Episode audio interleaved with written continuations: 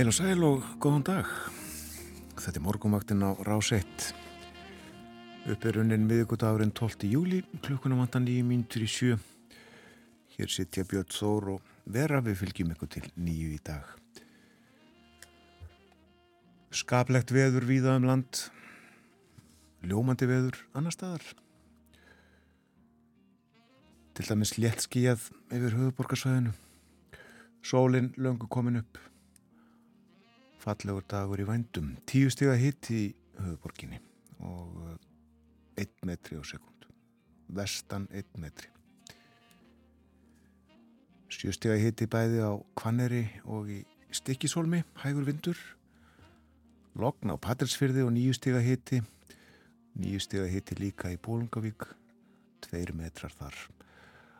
Logn á Holmavík sjö gráður 60 að hitti á Blöndjósi, fjóri metrar.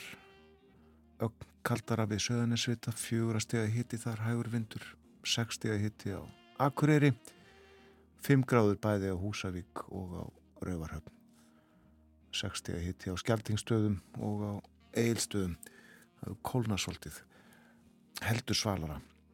Í dag heldur um að vera í gær.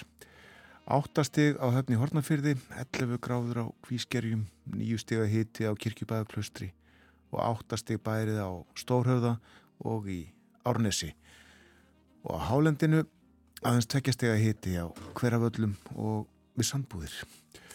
Svona viðræði á landinu klokkan 6. Horfurnar vera, þú hefur kynntir þær.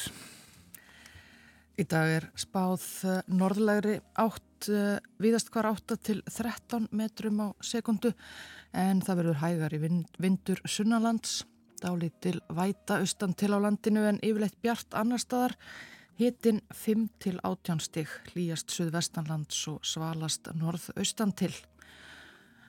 Á morgun er svo spáð norðan og norðvestan 8 til 15 metrum á sekundu sumstaðar kvassara í vindstrengjum við fjöll og um, það verður víða rigning á norðurhelmingi landsins, hitin 3 til 8 stig, það er spáinn á morgun, en þurft og bjartum sönanvert landið og hiti 12 til 18 stig, líkur á stöku síti í skúrum um sönanvert landið líka, fyrir að regna víða um land á morgun, en uh, Veðfræðingur bætir við í hugleðingum sínum með spádagsins í dag að það sé líklega ágætis veður til þess að virða fyrir sér góðstöðvarnar í dag.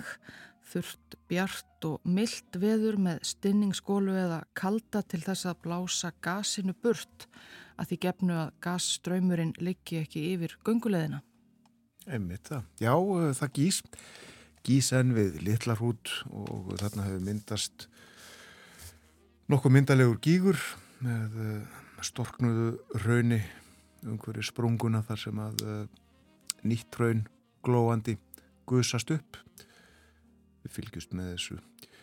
Í uh, útsendingu frá vefmyndavill á vefrikisútarsins rúf.is og myndalegur reykjar mökkur þarna yfir sem að sérst víða frá.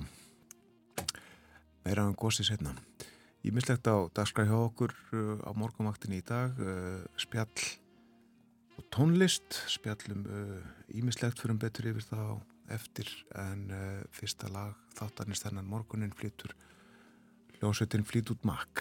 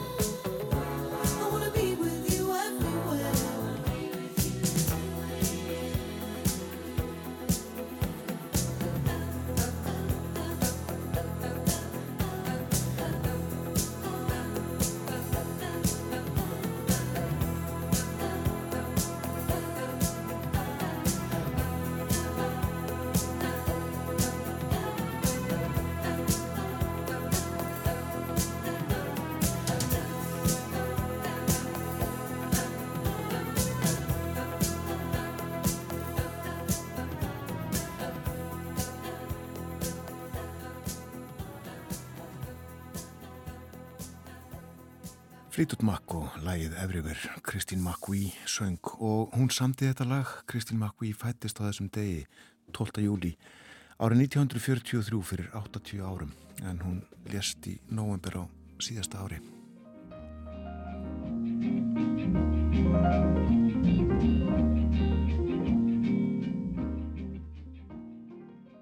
Lokið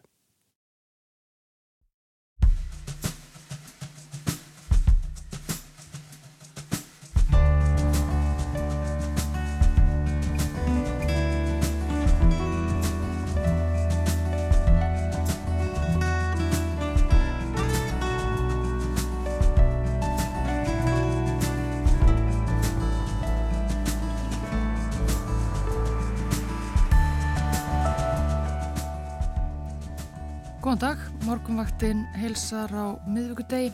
Umsjónamenn þáttar eins í dag eru Björn Þór Sigurbjörnsson og Vera Íllóðadóttir. Við ætlum að tala svolítið um verðbólgu í dag, verðbólgu í útlöndum. Fer hún vaksandi eða hefur tekist að draga úrinni? Ásker Brynjar Torfarsson verður hér eftir morgunfléttinar og fer yfir sviðið og hann ætla líka að fjalla um vatn. Það er jú undirstaða lífs og því afskaplega mikilvægt í öllu tilliti efnahagslegu sem öðru eins og hann fyrir yfir á eftir. Það er ekki aðeins stöku Íslendingar sem gælt hafa við það stundum að renna aftur saman við Noreg. Bæjaráð Orkneia í Skotlandi samþykti á dögunum að kanna möguleikan á að ebla tengslinn við Noreg og Norrænu löndin. Orkneijar voru eitt sinn undir norskum yfirráðum og þó komin síu meira en 500 ár síðan það var þá eru norræn áhrif en talsverð á eigunum. Vilborg Davíðsdóttir Rittvöndur hefur margóft verið á Orkneium og hún kemur til okkar upp úr hálf nýju og segir okkur frá eigunum og eigaskekkjum. En fyrsti viðmælandi morgunvaktarinnar í dag er Fannar Jónasson bæjastjóri í Grindavík. Eldgósið við Littlar hrút er í rúmlega 10 km loftlínu frá bænum. Og við spjöllum við hann um gósið og áhrif þess á Grindavík og Grindvíkinga og líka um mann og aðtatmarlíf á sunnamerðum Reykjaneskaðanum. Ímyndlegt á dagskrásum sé hjá okkur í dag eldgós. Eldgós verða til umfjölduna líka eftir smástund eldgós í útlöndum. Já, það gís víþarinn á Íslandi. En uh, rétt að fara yfir veðurhorfur dagsins fyrir fólk sem var að vakna eða kveikja á viðtækjunum. Spáin er svona norrlæg átt í dag við 8 til 13 metrar en hægari vindu sunnalands. Dáli til væta austan til á landinu en yfirleitt bjart annar staðar. Hiti 5 til 18 stig, það verður hlýjast suðvestanlands og svalast norðaustan til.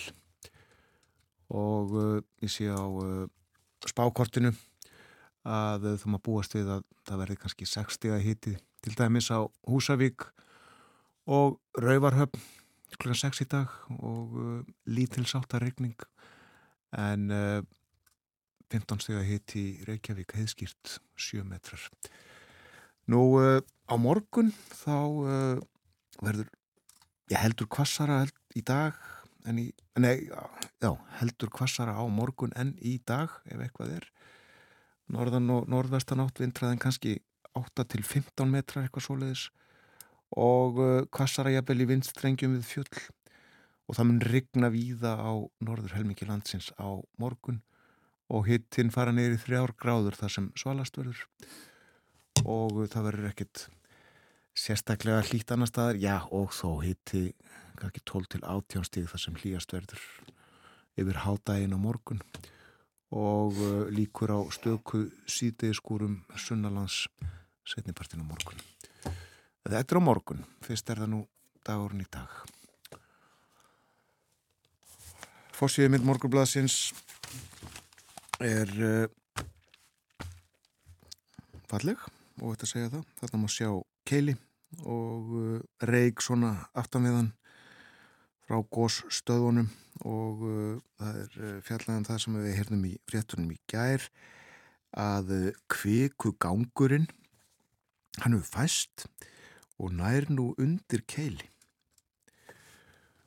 Og Þorvaldur Þorðarsson var að tala eins um þetta í fréttunum í samtali við Jóhannu Vítissi í kær og hún spurði ég hvað, hvað þýðir þetta og hvað getur gerst? Og hann saði já það getur farið að gjósa í keili og, og, og raun þá flæða úr fjallinu og ásýnd þess getur breyst en uh, meiri líkur væri nú á að, að kvika myndi sér, leita, leita sér leið einhvern veginn fram hjá keili ef við skildan rétt. Og uh, svo ég nefni það sem að er hérna uh, í undirfyrirsögn aðeins einn gígur er nú virkur ekki hægt að útiloka ný gósopp myndist með skömmu fyrirvara. Og raunitali renna í átt að rauninu frá því fyrra Þetta er á fórsýrinu. Það er fleira hérna. Eh, það er verið að tala um eh, lagseldi í sjó og eh, það er sagt ókn við lagsastofna. Það er nú verið fjallega en um þetta í mörg ár. Rætt hér við Gísla Áskjesson sem er frangvatastjóri fyrirtæki sem að starrakir eða selu veiðileif í nokkrar lagsveiði ár á norð-östurhortinlandsins eh, þar á meðal Selá og Hofsá. Og hann segir þegar við leikum okkur að eldinum þá brennum við okkur. Og tilipni þessara orða er nýr ansókn hafransónglastofnar sem síni fram á erðablöndun vildra íslenskra lagsastofna og norsks eldislags sem er alin í sjókvíum við strendulandsins og eh, rannsóknin sínir eh, erðablöndun upp á 4,3% erðablöndun í íslenskum ám sem er yfir því viðmiði sem áhættumat um erðablöndun setur. Og landsamband veiðfélaga segir niðurstuðuna sláandi og að bændur, veiðréttar, afar og allir sem hafi hagsmunni af stángveði hér á landi og náttúruverndar sinnar lýsi yfir miklum áhugjum af stuðumála. En uh, Gísli, hann uh, segir að þessi niðurstaða, hún komi nú ekki beint á óvart, en það sé sárt að horfast þurfi í augu við þær og skoða verði þessar niðurstöður í því samengi að uh, um sig að ræða nokkur ára gamlar tölur og hann segir þannig að við vitum ekki hvert ástandið er, það gæti verið miklu verra. Og uh, það er líka fjallaðum fund leðtoga ríkja allarsbandalagsins sem hóstikja er í Vilnius og verður framhaldið í dag. En uh, leðtogarnir eru á einu máli, segir hér um að framtíð Úkrænu liggi í varnarbandalaginu En á heimbóin var ekkert ákveðið á fundinum í gerð um það í hver nálægri framtíð það gæti orðið sem úkrænumönnum þykir verra. Þeir uh, vilja fá aðild sem fyrst og tilverði einhver áallun, gerð áallun um uh, hvernig frammyndan verður.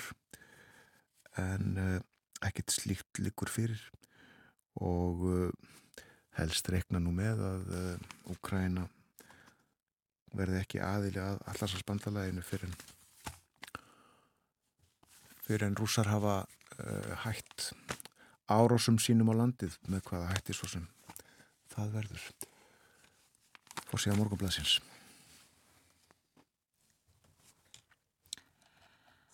Við viljum að tala hér um uh, eldgósið við uh, litla hrút aðeins á, á eftir en líka huga fleiri eldgósum. Það uh, eru eldgós víða um heim í gangi og viljum en fylgjast með því er hægt að benda á eldfjalladeild Smithsonian náttúrufræðastofnunarinnar í Bandaríkunum.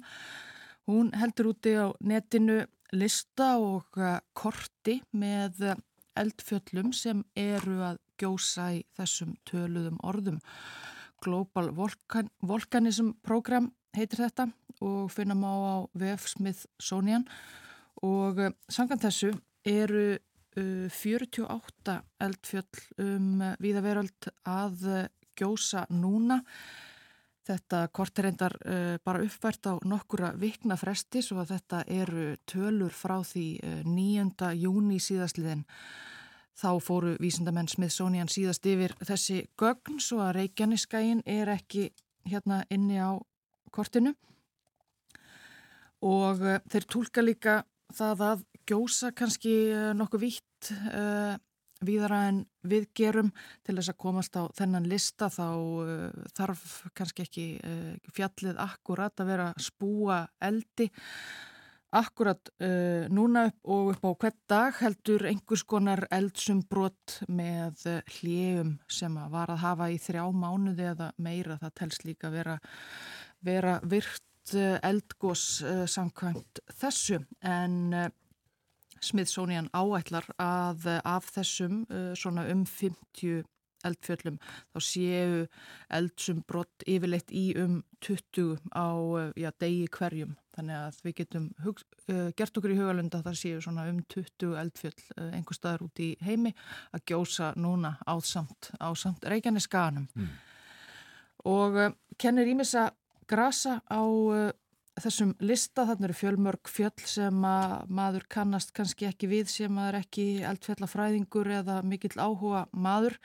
En líka fræg fjöll uh, þar sem Ísland er ekki með eru þarna tvö fjöll í Evrópu, það er etna á Sikilei sem að margir kannast uh, auðvitað við og gís svo reglulega að íbúar uh, Kataníu borgarinnar sem hún gnæfir yfir, kipa sér valla upp við það Við heyrðum síðast af gósið þar 21.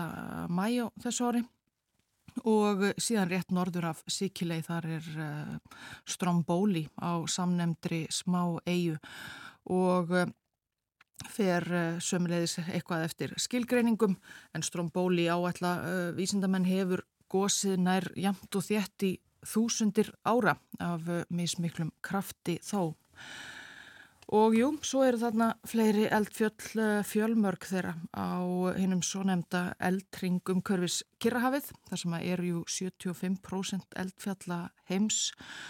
Og það eru fjöll í Indonésiu eins og, eigum Indonésiu eins og Marapi og Merapi, Levo, Tolok, Karangetang, Semuru, Ibu, Dukono, hinn alframda Krakatá sem er kannski þekktast indonesiskra eldfjalla á samvendri eigu í Sundasundi sem að hefur oft gósið og mjög kröftuglega en er að puðrast allavega einhver aska úr því síðast þegar að það var aðtúað sangan þessum.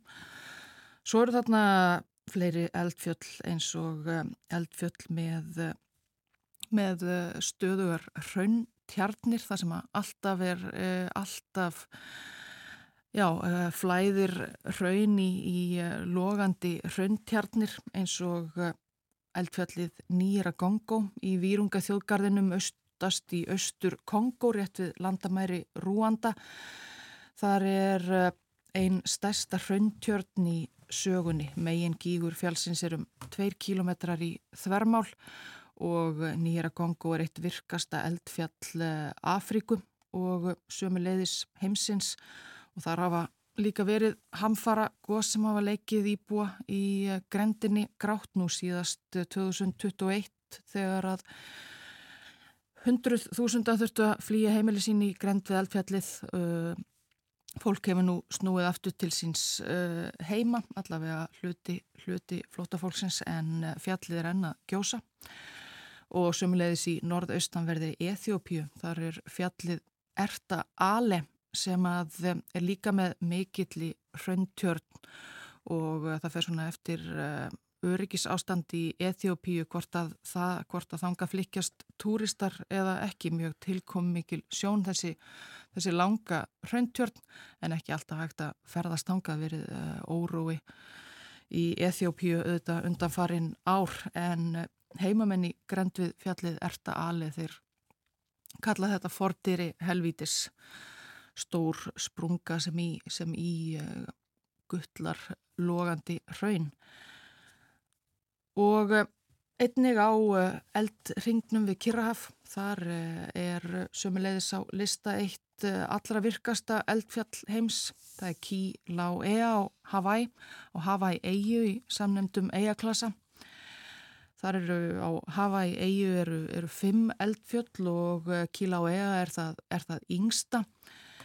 Byrjaða gjósa fyrir 300 til 600.000 árum síðan samkvæmt eh, yfirferð vísindavefsins um þetta eldfjall hefur gósið oft og reglulega síðan. Fyrst neðansjávar og eh, síðan reys fjallið úr sjó fyrir um 50 til 100.000 árums.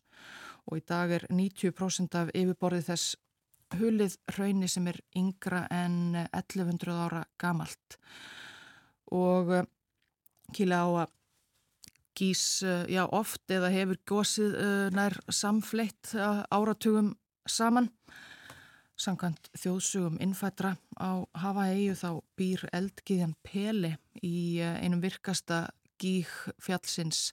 Hale Mámá heitir hann. Og gósin úr Kíla og Ea hafa í setni tíð ekki valdið miklu manntjóni en hefur orðið tölvert tjón á byggingum og vegakerfi á Havaeiju Árið 1990 þá eigðiluður hraunströymar 100 hús í þorpi við fjallið og mikið af vegum sem að farið hafa undir eh, á hafa eigu vegna þessa fjalls. Og annað virkasta eldfjall heims það er líka á Hawaii, það er fjallið Mána Lóa sem að hilur helming eigunar eða rúmlega það hefur uh, gósið 34 sinnum um, síðan mælingar hófust árið 1843 í það uh, minsta og Mána Lóa það er 4169 metrar á hæði yfir sjávarmáli. En langstæsta fjall heims ef að sá hluti fjallsins sem er neðan sjávar er talin með þá er það 17 kílometrar á hæð Mána Lóa á Hawaii. Þetta eru meðal þeirra eldfjalla sem að má sjá á þessum lista, hann verður kannski uppfærður eh, von bráðar og þá getur við eh, séð litla hrút eh, þarna líka en fjölmörg önnur eldfjöld sem að hægt er að kynna sér ítarlega á uh, VF Smithsonian Global Volcanism Program. En uh, kannski rétt að geta þriðja eldfjallsins á Hawaii eigu af fimm. Það er Dingjan Mauna Kea, stærsta dingja í heiminum og hæsta fjall uh, Hawaii eigaklassans. Og um, það er ekki sérlega virt þessa dagana. Það eru eitthvað um 4600 uh, ár síðan Mána Kea gaus uh, síðast en uh, vísindamenn segja þó að tæknilega séð teljist að virt eldfjall og geti gósið aftur.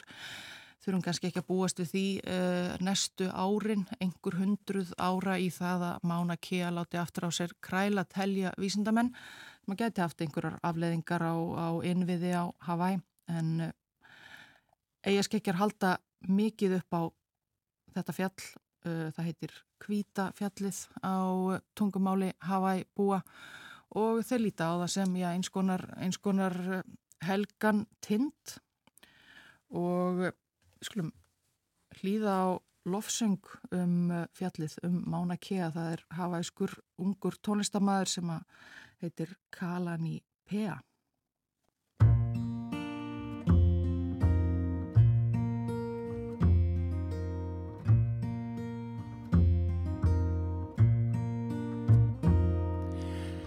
Mauna kea kila kila ke ua ka ui Luhi e hu ka makua o kulani Poli ahu ka wahine ka pahau anu Pumehana ka wahine e apo mai e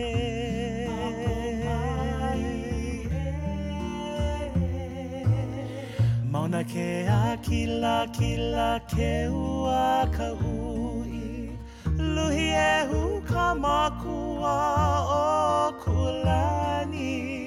Poli ahu ka wahine ka pahau anu. Pumehana ka wahine e apo mai he.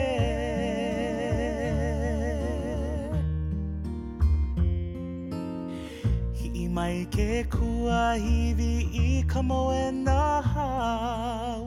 Po ai na hale a puni ka makua. Ua kani a u ina a mauna ia. He ana i pono no e pula mamau e.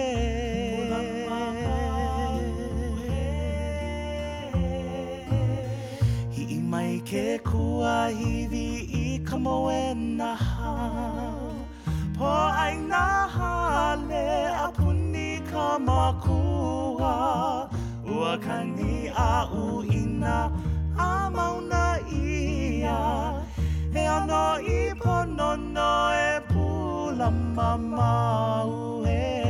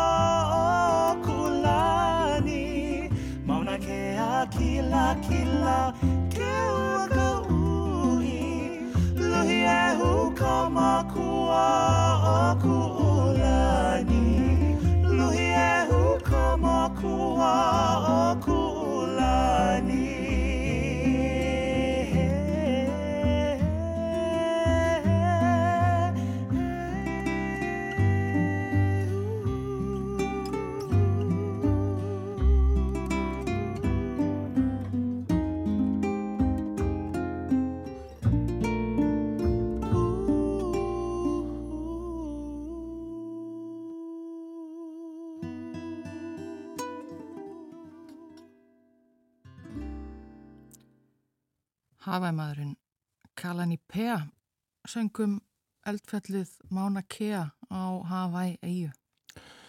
Havæ eldfjallægja eins og Ísland og uh, í þessu yfirliti vera kom fram sem við fórst með áðan að það sést gísi tveimur Evróplöndum á Íslandi og Ítalju. Já. Og uh, eldgóðsinn á í, í hörðinni allri um það byrju 20 eða 40 svona eftir hvernig það er skilgreynd. Já, samkvæmt þessum, uh, þessum gagnagrunni eða lista Smith-Sonian stofnunarinnar í Bandaríkunum 48 eldfjöld sem að voru aðgjósa eða uh, með einhvers konar eldsum brotum upp á síðkastið uh, þegar þetta var tekið saman fyrir rúmum mánuði síðan og þar af um 20 hverju sinni á, á hverjum degi ættu að vera 20 eldfjöld er reglan hjá Smithsonian allavega aðgjósa. Það stýttist í fréttaeflit hjá okkur, það kemur eftir fjóra mínutur eða svo eftir fréttaeflitið Þá tökum við upp síman og ringjum í Fannar Jónasson, bæjastjóra í Grindavík. Það ætlum að heyra aðeins í honum hljóðið ræðum þetta eldgós og mögulega áhrif þess á Grindavík og Grindvikinga. Og uh, fyrst ég er farin að tala um það sem er framöndan þá nefn ég líka að uh, eftir morgun frétnar verður hjá okkur áskerfrinir Torvarsson, sérfræðingur í fjármálum sem er hjá okkur annarkvæmt miðugudag og talar um efnaðasmál ástand þeirra í heiminum og uh, viljum að tala þessu um verbolgu í dag verbolga í heiminum og uh, vatn eins og við nefndum í kynningu hér, upphafskynningu þáttar eins vatn skipti miklu máli og uh, hefur mikil áhrif þarf mikið vatn til þess að framleiða ímislegt áskil talar um vatn á eftir og melli hálf nýju og nýju þá ætlum við að tala um orknegar. Já, við rættum orknegar hér eh, líka í síðustu viku. Bói Ágússon fjallaði um það í heimskluganum að, að eh, bæjaráð orknega sem eru hluti Skotlands hefði huga á því að eh, ganga mögulega inn í Noreg eða alla, ætlaði allavega að skoða þann möguleika. Við ætlum að forvittnast meira um þessar eigjar Vilborg Davísdóttir Rittvöndur. Hún hefur oft verið á orknegum og ætlar að segja okkur af eigunum eh, og þeim sem að þar búa.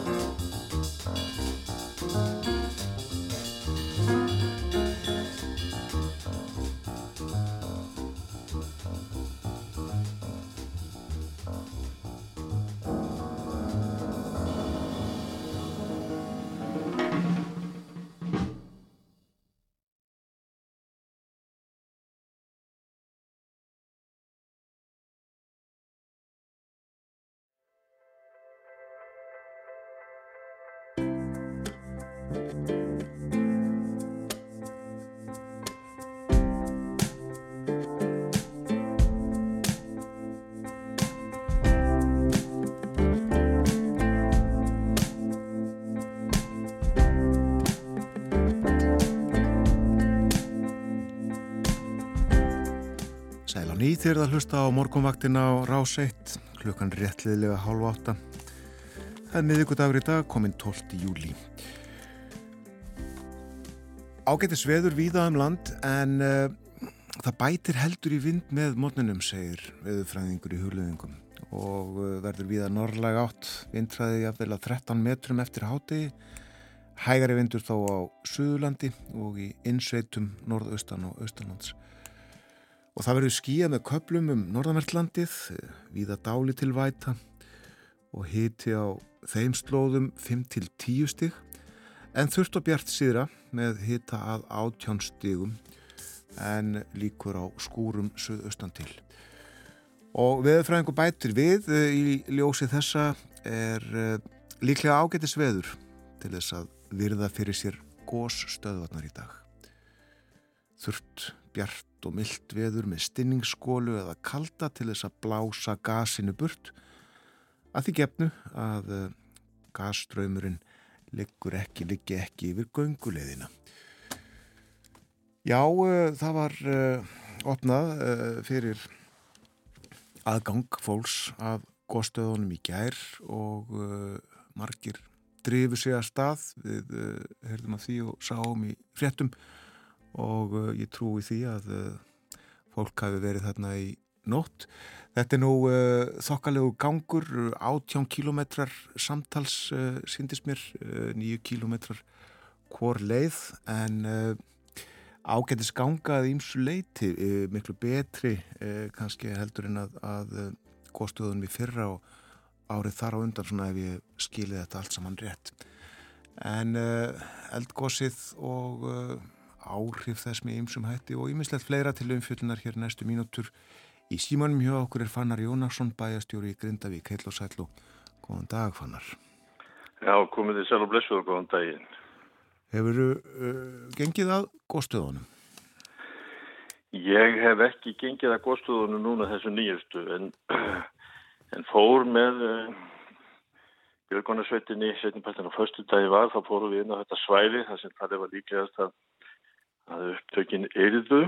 Það var við stoppuðum með við tannum til illa hrút til dæmis og tókum hann að myndir þannig að við höfum ekki verið með þeim síðustu sem að sáum þetta landslag í óbreyttri mynd sem nú komið undir hraun. Ekki gengið hann inn úr en, en fóru nokkuð margar ferðir þess að merardala leið sem kölluð er og nú er ætlu til, til gunguferða og fjólveiða en ekki, ekki axtu sem fólk ætlar að fara á góðstofunum en eins og þú sagði þá er þetta nýju kilómetra leið hann inn úr. Þá getist gunguleiði sjálfu sér en en auðvitað grít og, og ekki nema fyrir ágætlega vana gungumenn að, að ferðast um og, og vefa í góðum skófatnaði og, og líða klæðum eftir aðtökum með, með vatsbyrðir með sér og næstu því að 20 km er nú bara heilmikil ganga en þetta er auðvitað mikið sjónaspil og eðlilegt að fólk e, sækist eftir því að komast e, svona í nála við þessa, þessi upptök Já.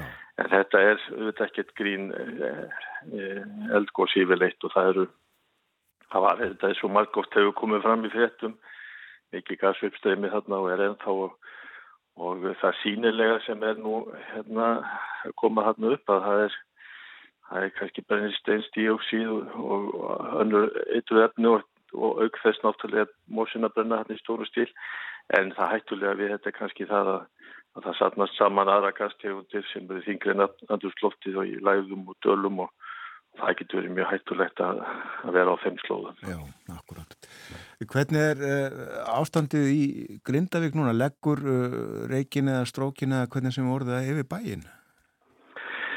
Nei, ekki núna. Ég hefði mitt rétt á það. Þú veist að það er við frettir í dagsins og það er þeir norðan átt og þá er það kannski sjálfur sér eins góð uh, átt eins og hugsaðs getur fyrir bara íbúa bæði á Reykjanesi og höfuborgarsfæðin og víðar því þá leggur strókin til bynti sjávar Já. ef að það er verður aðeins norðlægir átt eins og gerðist smá tími í gæra þá, þá kemur náttúrulega vindáttinn úr á góðstöðunum og svona inn yfir bæin en, en Það er frá því að segja að, að meðan að e, fyrra gósi var aðstofunum í rétt e, heila nýju mánuði og, og þá einhvern veginn sko, þá stýgur mökkurinn upp vantilega út af hitanum og best síðan þaðan eftir að hann hefur hef náða ákveðina hægt, best eftir vindum og eitthvað er burt og getur svo lagst niður annar staðar og þetta Það var vísindamenn náttúrulega skipt mjög vel og veðurstofan hefur verið duglega bara í tengslu við veðurþrættir og hverjum degi að útskjara það hvar líkurnar er á því að, að þetta beri svo niður Já. og það getur gæst fyrir austan fjall og, og það getur gæst á höfborgarsvæðin og, og snæfisnessun og borgarfyrði eins og nú hefur verið nefnt þannig að það er engin alveg óhöldur og það er um að gera þetta fylgjast bara með loftgæðunum eins og það kallað og loftgæði.is og og sjá svona hvert hvert mökkurinn e, liggur hverju sinni. En nú er þetta þannig að sko þessi upptök þau eru það langt frá Grindavík að við erum ekkit e, meiri hættum með það að hérna verði reykur í fjellbílinu okkar heldur bara í vofunum eða Reykjanesbæ eða höfuborgarsvæðinu hafið bara allt eitt í vindóttinni yeah. og sem betur fyrir núna þá hefur núna náttúrulega verið að dreyja í störu og þessu gos, þessu gasröpstreymi þannig að við erum við betri málum heldur en upphafu góðsins Já, ég langt frá Grindavík ég var nú að reyna að rekna þetta út mér finnst þetta nú ekki vera nefn einhverju tíu kílometrar í benni lótlinu e, Nei, þetta er eitthvað kannski rúmið tíu kílometrar en En eh, sko, það er nægilega langt til þess til dæmis að í afskaldar á þessu svæðu, þar nú kem ef þeir eru aðeins eh, austar, svo sem er svo jæskaldunum på 5,2, mm. að hann er ekki áberandi hérna hjá okkur og alls ekki. Þetta, þessi stóri skjálti stæsti sem, var, sem var, sko, fannst nú mjög greinilega við það, bæði í Íslandi og öllum mælum veðurstofunar á landinu og svo segja líka veðurstofu sérfræðingarnir okkar sem við reyðum okkur mikið á og hann hefur mælst nánast um allan heim. Þannig er nú einhvern veginn jörðin okkar og kipist til og þú veist skallin sé ekki meira þetta. En við erum svona tiltölulega lítið vörfiðan hérna. Þetta er svona eiginlega eins og svona svona mægar öldurheyfingar og eitt sagði nú bara þetta þetta sennilega ruggar manni þetta bara vel í háttíma ég sér svo vel þessa dagana sko. Að, að, og, og við syndum að segja að þetta er orðið svo brotið landslæg hérna á, á millokkar og skorpunar eða ég er skorpan. Fyrir utan það náttúrulega Reykjanes er yngsti landslutin á Íslandi og, og við finnum lítið fyrir þessu eftir sem að kannski austadregu þá er það ekki eldra, það er ekki sprungið og það verður svona harðari keipir á, alveg eins og við byggum náttúrulega við hérna í jæðskjálta hreinunum sko 2000 og og upp af árs 2020 og, svo 2021 þá voru þetta miklu, miklu harðari skjáltar og höggin svona uh, meiri en við finnum ótrúlega lítið fyrir skjáltunum núna. Já. Uh, er það yfirleitt þannig að, að, að meðan gís að þá uh, finnið engar skjálta, þá, þá bara skjálfur ekki? Já, þá bara dettur einhvern veginn skjáltavirknin niður. Þegar að kvikan er að bróta sér leið upp yfirborðið þá þá verður þessi skjáltar og, og þessi svo kvöldu gikk skjáltar þar sem að orkan er að leysast úr læðingi svona í tengslum við, segmingar í jálskorpunni.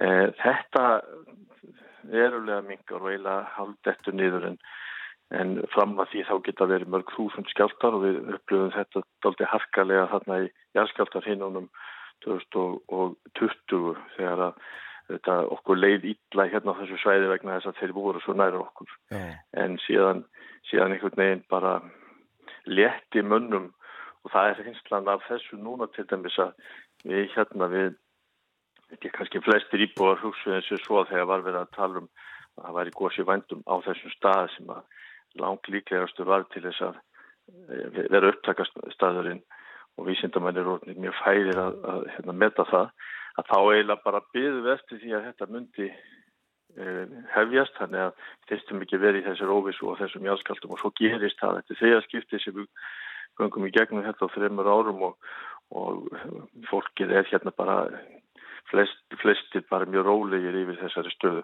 og aukveðst náttúrulega færðist þetta fyrir okkur sem er gott verið Grindavík en, en auðvitað óþægilegra fyrir aðra sem að verða þá nær þessum upptökum eins og höfuborgarfæði finn, þið finnir þá uh, meira kannski fyrir heldur en við núna. Það er rétt.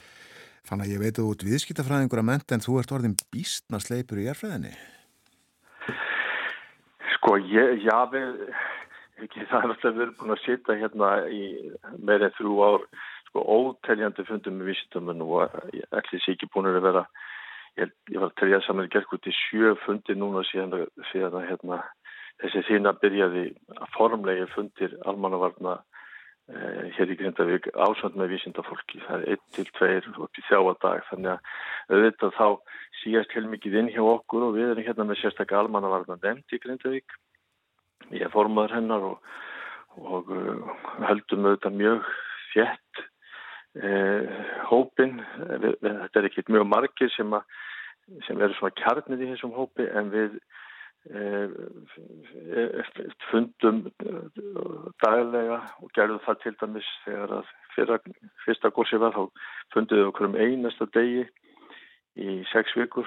Páskarnir kom inn í þetta, allir páskardagarnir klukka nýja á mótnana, þetta er bara þá, við viljum bara fylgjast með hvernig voru að byrja gergarsins, hvað er framöndan tíms er að bjarga okkur mjög mikið Já. og á þessum fundum erum við náttúrulega með þess að færu og flottu vísindamenn okkar sem eru líka búin að læra heilmikið núna af þessum vitbörðum og þannig að þetta sko erum við margs vísari en, en hérna ekki svo að við ætlum að telja okkur einhverja spáminn í þessu og, og, og tristum á þetta goða fólk okkur að þessa vöktum sem er hérna hjá okkur. Já, en uh, hefur þetta eldgós og fyrrigós, hef, þetta, hefur þetta mikil áhrif á samfélagið í Grindavík? Já, þetta hafði mjög mikil áhrif á okkur í upphafi. Það var hérna 2020 í janúar, þá, þá um, kom í ljós og það var mikið landri sem hafa orði hérna með bæjarfjallið okkar, Þorbjörn, e, í 5-6 daga og að því kom 2007. Uh, janúar 2020 að, að við vorum uh, kölluð til uh, fundar, skyndifundar að mótnið sunnudast, þetta er einu eftir Þorrablótið okkar og klukkan átta í skóvalhíðina og þar var samankomin hópur vísindamanna sem að leist ekki á blikuna út af þessu landirísi sko skjáltar eru náttúrulega bara þekktir á þessu svæði fyrir það hvað eru mörg mælitæki hérna núna þá fylgjast menn betur með því en við síndum að segja að það eru öðruglega við skjáltar og, og reyfingar, jærskorpur reyfingar sko öldum á þúsundu saman. Við vissum ekki alveg möllum en það fæstir sko finnanlegir. En þarna var komið svo staða það var búið að hækka landið um þá nokkuð marga sentimetra og það var talið víst að þarna verið kvíkusöfnum mm. Og mælingarnir eru alveg ótrúlega nákvæmar og það sem mest er treyst á eru gerfinatamindir og þeir geta mælt upp á 1-2 mm. Það flói einu sinni til tvísar í viku yfir uh, gerfinhörtur yfir þetta svæði hérna og mæla með ótrúlega nákvæmni allar breytingar á, á landslæginu, hækkun, uh, hlýðræna seyfingar og svo framvegis. Og þarna þegar við vorum kvöldið þá neist mönum ekki á blikuna og daginn eftir þá bóðuðinni til íbúafundar hérna í Grindavík. Þetta var náttúrulega fyrsta sett í öllum fjölmjölum og uh, þángað komu í Þórstahúsi hjá okkur millir 12 og 1400 manns. Já. Og, uh, og auk þess voru, var streymt frá þessu frá, frá tveimur um, myndavélum og, og sett inn á YouTube og fyrstu vikuna það voru 90.000 90 áhórð þannig að þetta var þetta mikill viðbörður fyrir okkur og síðan eftir þetta fór allt í gang varðandi viðbragsáallinir og rýmingaráallanir og, og gríðarlega bara mikil vinna og, og mikil hjálp e, vísindarsamfélagsins og almannavarnadildar ríkislörgstjór og þetta voru mjög erfið tímar því kvöldfæri fylgdu snarpir skjáltar og mönnum leið hérna illa með þetta út af því hvað uppleikin voru skjáltarnir harðir og ekki að vita nema uppkæmið kvika og þá nálat okkur. Og við heldum, uh, reyndum að vanda okkur mjög mikið með þetta og, og vorum með tíðar, tíðar upplýsingafundi og, og uh, opnaðum hérna kvikun okkar menningarhúsi og fengum vísindamenn og við fengum byggingar verkfræðingar til þess að sérstaklega uh, gæta þess að samfélagið okkar, fólk af erlendum uppruna, Eh, myndi fá sem bestar upplýsingar vegna þess að það fólk var eiginlega og eiginlega langrættast við þetta. Í Íslandingar þekkjum alveg járskjálta og við vitum að það er velgóðs og, og svo framvegis. Við viljum ekki hafa þetta nálat okkur við, við búum á, á eigin okkar góðu sem er kraftmikil en hún er líka stundum að, að hrella okkur. En útlendingar voru virkilega skerkaðir og, og baklandið margra þeirra var, eh, voru bara hvað skal segja, landar þeirra sem að búa líka á Íslandi voru jafnplætti þannig að þeir einhvern veginn voru svolítið kannski einograð með sína litlu þekkingu og það var erfitt að koma þessu til skila að húsin væru alveg örug og fólk skildi ekki óttast meitt. Þannig að það var, það var mjög mikið verkefni að einhvern veginn reyna að halda utanum fólkið og, og svo liði veginn með svona mismunandi öflugum reynum og og það var samkvæmt bara könnunum, þá leið kannski þriðjungi íbúa hér. 30, 35% leið bara mjög illa ofta tíðum út af þessum tíðu járskjáltum sem voru þá að vekja mannskapin kannski til þess að þess að nóttið það er slíðat mm.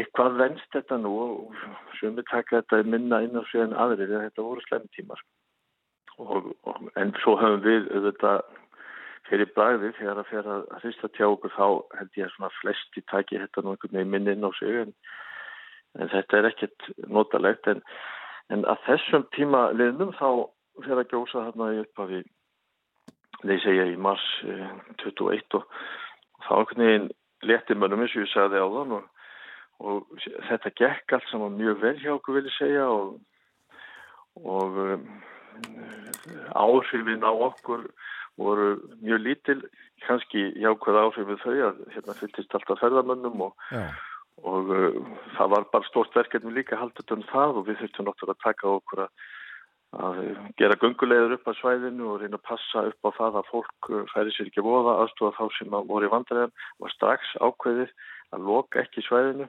heldur reyna að hjálpa fólki skýra og stýra umferðinni, skýra atbyrðinu og, og, og stýra umferðinni þannig að, að það væri hægt að skoða þetta og það er svolítið öðruvísi heldur við annar staðar.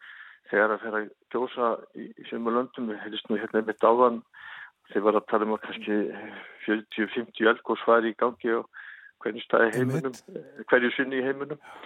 Og, og þá kom Íslandika hlaupandi í þúsundavís til þess að fara að skoða eldsumbrotinn en aðrir yfirleitt flýja eða er sagt að flýja og, og eldstöðunum er loka þannig að þetta var, við gerum þetta svolítið öðruvísi og, og það er saman núna það var ákveðið að og það er auðvitað hérna á Suðunessum sem ákveður lokanir og stýrir þessu og hann segir og við erum öll sammála því í almannavarna teiminu að við skulum bara reynda að passa upp á fólki og gera okkar best í það í því að bæta gungulegðir og, og hjálpa, hjálpa til en ekki ekki loka.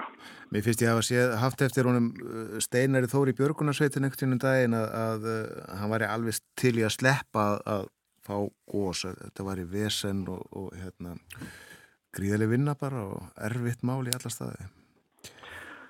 Já, við erum, við erum öll á því líka og þegar við erum að um því að gósi á þessum rálum þá hugsaum við sko verður fjóruða gósi á næsta ára og 15 og svo framvegis og það vitum við ekki en þetta við gengið mjög vel, þetta er á góðum stað þetta er mikið og stort verkefni útrúlega uh, umfangsmikið en auðvitað vildum við sleppa við þetta björgunarsveitin hérna Þorbjörn er alveg náttúrulega frábær sveit velbúin og, og með, með stuðningi landsbjörgar og allra björgunarsveitana á landinu þá þá er þetta verk sem að menn ganga í en, en þetta er líka mikil vinna og þetta er sko þetta er auðvitað álag á fólki sem er að koma hinga allstæðar af landi. Við sjáum björgunarsvita bíla mesta stöðum sko, um allan allt landið og Akkurat. þetta er mikið álag á laurugluna og, og, og bara kerfið þannig að því er ekki að neyta Sko síðan þetta hófst allt saman þá uh, höfum við lært ímislegt, uh, sko hugtök, jærfræði hugtök og ímislegt uh, nýtt heyrt sem að tengist eldgósum og, og þessu öllu saman og, og líka heyrt mörg uh, ný örnefni þarna uh, svæðinu. Ég hef ekki heyrt talað um Geldingadali og Meradali og, og ekki oft held ég um Faradalsfjall eða Littlarhútun. Svo bættist enn eitt við í gæðir sem ég sá, Raunsels Vassfell. Það er alltaf eitthvað nýtt.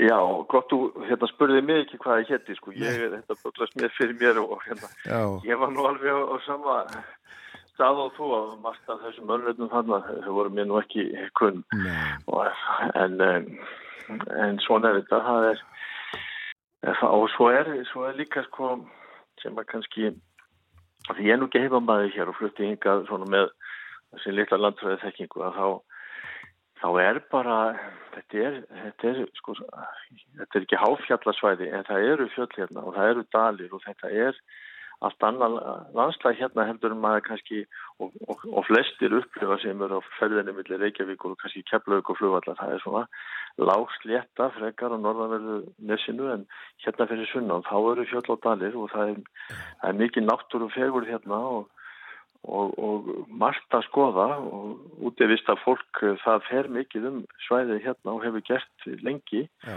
smalar þekka þetta svæði en kannski framöndi þetta fáir landsmenn hanga til að þetta svæði opnast núna þá kemur í ljós bara hvað þetta er fjölbreytt og, og eða svona fallegt svæði. Og allt hefur nöfn og heiti auðvitað. Allt hefur nöfn og heiti, landinu, já. já. Sko já. skjálta skuggi var líka eitthvað fræði heiti sem ég sá í fyrsta sinnum daginn. Að það bætist, bætist alltaf eitthvað við. það gerir þannig bleið. Býstu við að ganga góðstöðunum í dag? Nei, ég, ég er á fundum í dag, hérna heima við. Mm -hmm. Við erum að funda núna á eftir klukkan 11 til dæmis almannavarna nefnd Grindavíkur og, og svo almannavarna nefnd Sjöðunessi auðan Grindavíkur. Það eru hins sveitarföllingin þrjú á Reykjanesi sem eru með sérstakka almannavarna nefnd við höfum haldið okkur við það hérna í Grindavík að vera með sérstakka almannavarna nefnd okkur finnst einhvern veginn bóðleðirna þannig og viðbræðið þurfa að vera þannig hjá okkur að við viljum bara vera með litla einingu en geta svo notið aðstúðar alls þess góða fólks sem er í kringum okkur, bæði björgunni sveitir, lauruglan og, og fleiri. Við erum líka með sérstast slökkvölu hérna, kannski þykir svolítið sérstakt en, en við viljum vera okkur hérna nóg ef það kemur einhverjum atbyrðum að við bæði þessi snögt en til dæmis önnur sveitarfjölug á Suðunessum hinn þrjú vinnir okkar þau eru með bruna vartni í Suðunessi, við erum ekki þar en gríðarlega gott samstarf þarna á milli. Þannig að við svona reynum að búa að okkur eins og við mögulega getum og, og það hefur gengið vel og, en auðvitað njótu við góðs og allur leiti tristum og þann stuðning sem allstaðar er vittur þegar að starri viðbörðu verða. Já. Fannar, við segjum þetta gott í dag. Eh, gaman að spjalla við þig. Eh, við heyrums kannski, heyrums kannski síðar. Það getur verið að þetta standi einhverja vikur í aflun mánuði. Alveg sjálfsagt. En uh, já, þakka þið fyrir og, og njóttu dagsins og dagana og gangiði vel í þínu störfum. Já, takk hérlega, sem leiðis. Þannig Jónasson, bæjastjóri Grindavík.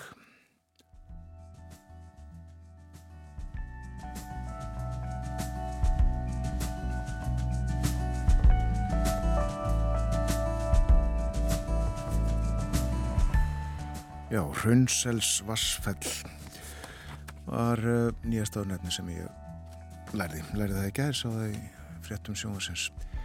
Það líður að uh, fréttum hjá okkur hér á morgunvaktinni. Er koma eftir fimm mínútur. Eftir þær verður áskiprinjar Torfarsson með okkur. Við ætlum að tala um verbolgu og vatn og svo minni ég á að uh, milli hálf nýju og nýju að þá ætlum við að tala um orknegar.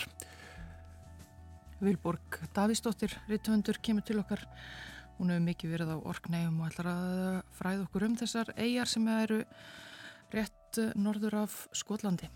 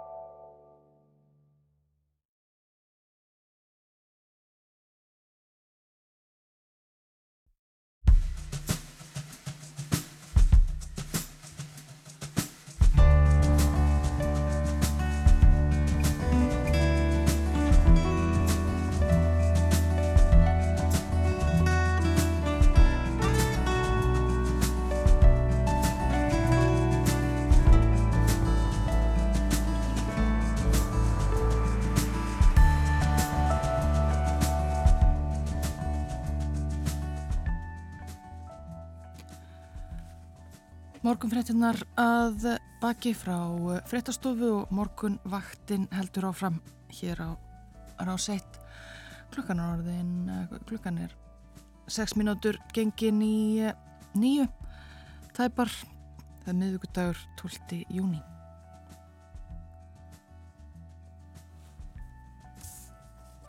Og hinga til okkar er komin áskiprina Torfarsson, sérfræðingur í fjármálum. Við tölum um alþjóðlega efnaðasmál hér annan hvert miðugudag. Góðan dag og velkomin á skemmlinir. Góðan daginn. Við uh, ætlum að tala um vatn, ég hef nefnt það uh, nokkru sinnum í kynningum hér í morgun. Við ætlum líka að tala um egg. Mm -hmm. meira en um það og eftir uh, við ætlum að byrja á verbulgu sem að hefur farið heldur niður á við hér á Íslandi en hvernig er ástandið annar staðir í veröldinni? Jú, hún er byrjuð að fara niður all viða, mismikið. Hún er eiginlega komin of mikið niður í Kína orðin 0,2% þar.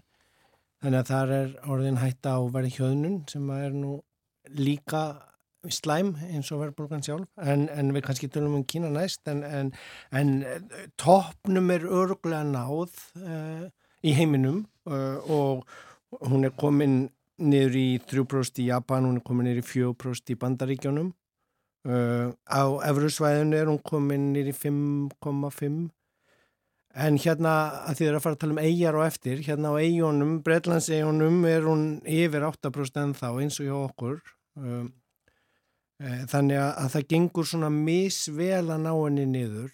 Um, það er mikil umræða viða um heiminn, Sælabankanir er að halda sínar svona mismunandir ástefnur, það var í Sintra í Portugal ástefnur, Európska Sælabankans, það var franski Sælabankin var með ástefnur líka mm, í Provence Uh, og uh, ég var á ráðstöfnu í Kroatíu með sérabókafólki þaðan. Uh, og það er svona já, svolítið eins og í alfræðingunum sem voru að tala um aðan, það er ekki alveg örugt hvernig hún fyrir niður. Þar að segja franski fyrirverðandi sérabókstjónum var til dæmis að tala um að við varum komin á svona ásléttu vextinir, verðbúrgan væri byrjað að fara niður en vextinir myndu verða þetta háver sem hann er að tala um sem er náttúrulega samt bara 3-4% í Efrulandinu eh, myndu þurfa að vera það í nokkur ár. Eh, eh, og bandaríski og evropski selabankastjórnarnir sem voru í Portugal þau eru sammálum að hún náist ekki niður í markmiði þetta 2% markmið verðbólgan fyrir enn 2025 og þegar að selabanka fólk talar um tvö ár fram í tíman að þá er það svona fyrir utan líkanið þeirra. Þannig að maður skoðar spár sælabanka fólks yfir leitt að þá er yfirleitt reikna með að markmið náist eða jafnvægi náist eftir tvö ár en, en svo frestast það tveggjára markmið oft. Ja, þeir eru að segja eitthvað meira en þið vita. Hmm. Þeir eru að segja eitthvað meira en þið vita í rauninni. Já, bara svona svolítið eins og þegar jarfræðingarnir eru í vittulunum hérna hjá ykkur uh, Já. verður uh, elgósið í nokkra daga eða nokkra vikur eða nokkra mánuði þau bara vísindin get ekki almennilega sagt okkur svo langt fram í tíman. Nei. Eh, hvernig er staðan í, Svíþjóð, Noregi og Danmörku? Sko það er svolítið skemmtilegt að skoða munin eh, að eh, verðbúrgan í Danmörku er bara komið nýri í 3% en, en svíjanir eru eins og við og bretanir á, á þess að vera eiga samt að í, yfir 8% verðbúrgu og eru að kljást við hana. Þar er húsnæðisverði fara að fara niður uh, Eh, það er náttúrulega búin að vera mikil um, húsnæðisverð bolga undan farna já, meir en áratug. Daninir fengu vissa leðréttingu á sínu húsnæðisverði strax eftir 2008 krísuna sem var það ekki í Svíþjóð þannig að maður fer svona að nördast ómikið og nýtt í telana en hins vegar er það líka peninga uh, stefnan í Svíþjóði sjálfstæð þess að sænska krónan er fljótandi. Uh, þar segja blöðin að þetta verðbólgan, þeir eru orðinir öfundsjúkir að ná henni ekki niður eins og nágrannanir að segja að þetta sé út af veikingu krónunar sinnar, sensku krónunar Hún er ekki tengd efrunni eins og, eins og danska krónunar? Nei, danska krónunar er beintengt þannig að Sælabankin þar bara stillir sig af með við hana en, en þetta er nú floknar en það því að sko sögulega hefur sænski Sælabankin fyllt þeim efraupska og þeim þíska þar á undan Eh, þannig að, eh, já, það er ekki neyn svona auðveld svör við skemmtilegu eða flóknu spurningunum. En, eh, við verðum bara að halda áfram að fylgjast með gognunum og, og svo ég tæki mér hérna, orðfæri jarðvísendamannina og hagfræðin er eiginlega sko verðstödd á mörguleiti heldur en jarðfræðina því að, að það er ekki verið að kljást við náttúrulegumál og það er verið að reyna að setja upp breytt mælitæki, verið að reyna að, að finna út úr þessu en það eru greinar bara í Financial Times núna um sko það, e, já, til dæmis hvers vegna stýrifaksta hækkanar eru ekki að býta á nániðu verðbólkunni e, og þar er, mm, já, samkvæmt kenningunum mætti já, kæling hagkerfisins að valda því að fjárfyrstingir er saman að því að dýrar að taka lán og vinnumarkaður nætti að, að hérna koruna, þannig að atvinnuleysi aukast og þar með myndi búin að hætta en það er ekki að gerast í vinnumarkaðurinn alveg síðan í COVID er búin að vera mjög heitur eins og talaðum. Það er ekki ekkert atvinnuleysi og kemur ekkert mikið atvinnuleysi þó að vextinni séu hækka. Þannig að þetta stemma ekki alveg kenningarnar líkonin við raunveruleikan og, og uh, síðan er það það að uh, mikið af heimilum er líka orðin skuldlaus eða með litla skuldir og þá er það sem er kallað miðlun peningastefnunar að, að það að hækka vextin og gera húsnæðiskostnaðin dýrari að draga úr eðslu fólks í um, þenslu valdandi að fara færra færðir til útlanda a, a, og eitthvað þess áttar að það er ekki að virka ef að, ef að bara einhver þriðjungur er með húsnæðislán og í vandraðum af hækkuðu vöxtunum en tveir þriðju eru bara í í áframhaldandi eðslu og þenslu og halda öllu rauglóðandi þannig að þetta er nú svona eitt af því sem þarf að taka til til þegar vera að skoða. Og svo eru vandamál eh, meðaltalana sem við höfum talað um áður og síðan er það líka hitt og meiri sé að fara að ræða það í, í Financial Times og fleiri blöðum. Þetta 2% verðbólgu markmið er það endilega svona heilagt? Svo tala er náttúrulega bara ákveðin af af fólki, hún er ekki, ekki einhvað náttúrulega málum að þá sé allt gott, þá sé ekki eldgoss þegar við séum í 2% en, en allt sé flæðandi ef hún er meir en það og, og, og það eru já, mjög spennandi tímar í hagfræðan skemmtilegar umræður, rögraður um er 3% mögulega nýtt markmið? Um, þá koma svona gamli reyndir hagfræðingar eins og fyrirverðandi selvmokkstöru Fraklands og segir alls ekki breyta þessu mæli við með þið, það er stórhættilegt en ég bendi nú á sko að á hinni hliðinni hér varð breytt tölunni um hvað var í jafnvægis atvinnuleysi sem er reyndar hræðilegt tóktak uh, uh, því var breytt úr 2% í 4% þess að jafnvægi á vinnumarkanu náist ef að atvinnuleysi er uh, í 4% núna er atvinnuleysi komin undir 3% hér. Já 2,9 heldur. Þannig að þá er vinnumarkaðurinn orðin til vandra og þar með fara lunn upp og þannig að en, en, en svo ákvörðin var nú ekki tekinn beint hvorki liðræðslega en ég vísindilega heldur bara svona laumaði gegn. Þannig að e, og við erum raunar ekki með 2% eins og all hinlöndin heldur 2,5 þannig að, að, að þetta verður bara áframhaldandi svona spennandi tímar að stara á, á hérskjáltamæla verðbólkunar en, en, en ég held að öll merkin eru komin um að hún er á niðurleið þessi toppur og það er út af þessu eðli að við erum að mæla ársbreytingu Já. og við erum að koma frá toppunum og, og svo er það bara svona mismunandi eftir mismunandi löndum hvernig á henni niður og, og Þú ert bóðberið jákvæðra að frétta uh, í dag. Já, í sól og, og blíðu og stöpbúksunum nýkominum í erarhafinu þá er nú ekki hægt að en að vera svolítið upplitt stjarfur og bjartur. En þá er það að, að eggjum og vatni uh, sem eru svona byrtingamindir uh, ákveðnar í, hafkerum samfélagum. Já, við höfum náttúrulega vilja reyna stundum tala einhvern punktum umhverfismálinn og ég fjalla áður um bæði ólífur og, og jarðaber en, en, en vaskorturinn er náttúrulega orðin svolítið aðkallandi í þessum löndum þar sem hitin er aukast. Uh, og uh, ég fór yfir það þar síðast að, að það ég vil fara að grafa ólöguleg uh, brunna til að ná í vatn fyrir rektunina en, en sko það hver mikið, mikið vatn þarf í ræktun uh, og svo verði skortur á vatninu að þá verður náttúrulega ja, framleiðslu skortur afleiðingin og þá samkvæmt um, eðlilegum lómálum þá fyrir verðið upp að, eða þá að framleiðslan flist á aðra staði. Þannig að um, núna síðast var ég að sjá það sem þurfti mestan vassframleiðslu að því að var hann við mér að hafa þetta eru möndlur sem að þarf alveg, en, en netur yfir höfuð en, en möndlur sérstaklega það þarf 5 lítra vatni til að framlega hverja einustu möndlu sem þú setur upp í þig. Hvað sæðir þú? Ég borðaði, ég borðaði tíu möndlur í gerð. Já, þannig að það voru 50 lítrar af vatni við meðarhafið sem þurfti til að rækta það. Þannig, og maður á að borða allavega fimm á dag, sagði einhver gumur konar mér. Þannig að þetta er sko, já, ekki að búa til verðbólgu í sjálfu sér, en ég er bara svona að draga þetta fram að þegar einhver skortur verður á einhverjum hlut, að þá, já, fer verðið upp eðlega, já.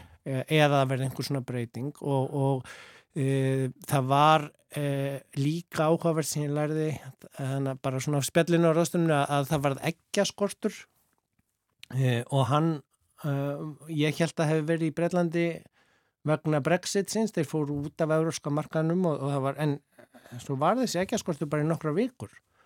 Og verði fór þá upp á þeim ekkjum sem voru til en ef það eru bara engin ekk til þá er alveg sama hvað hækkar verði mikið eða hvað tilbúin að borga mikið meira fyrir ekkin það, ef það er framleiðslu vandi að þá bara hérna, er engin ekk fáanleg. Eða þú færð bara að kaupa 6 ekk út í búð En það var sannst ekki brexit sem að... Nei, það, en, en það er mjög fyrðulegt, það kemur ekkert fram hvort, enginn vil segja einhver, einhverja síkingu í ekki að búum, en það var, það bara að tala um framleiðslu vanda í, í ekki aðinaðinum og, og ég sá sænskar fréttir að þar er ekki að skortur núna, þannig að ég var orðin svolítið grunnsamlega hugsandi um það hvort það væri einhver, einhver faraldur á milli hensna í, í Eh, og vonandi kemur það þá ekki hingað því ekki eru við með marga framleiðendur á veggjum og, og, og e, já e, og við getum svo sem alveg lifað af kannski einhverjar vikur en það verður einhver afleiðing þegar að skortur á einhverju vöru verður og, jafnvel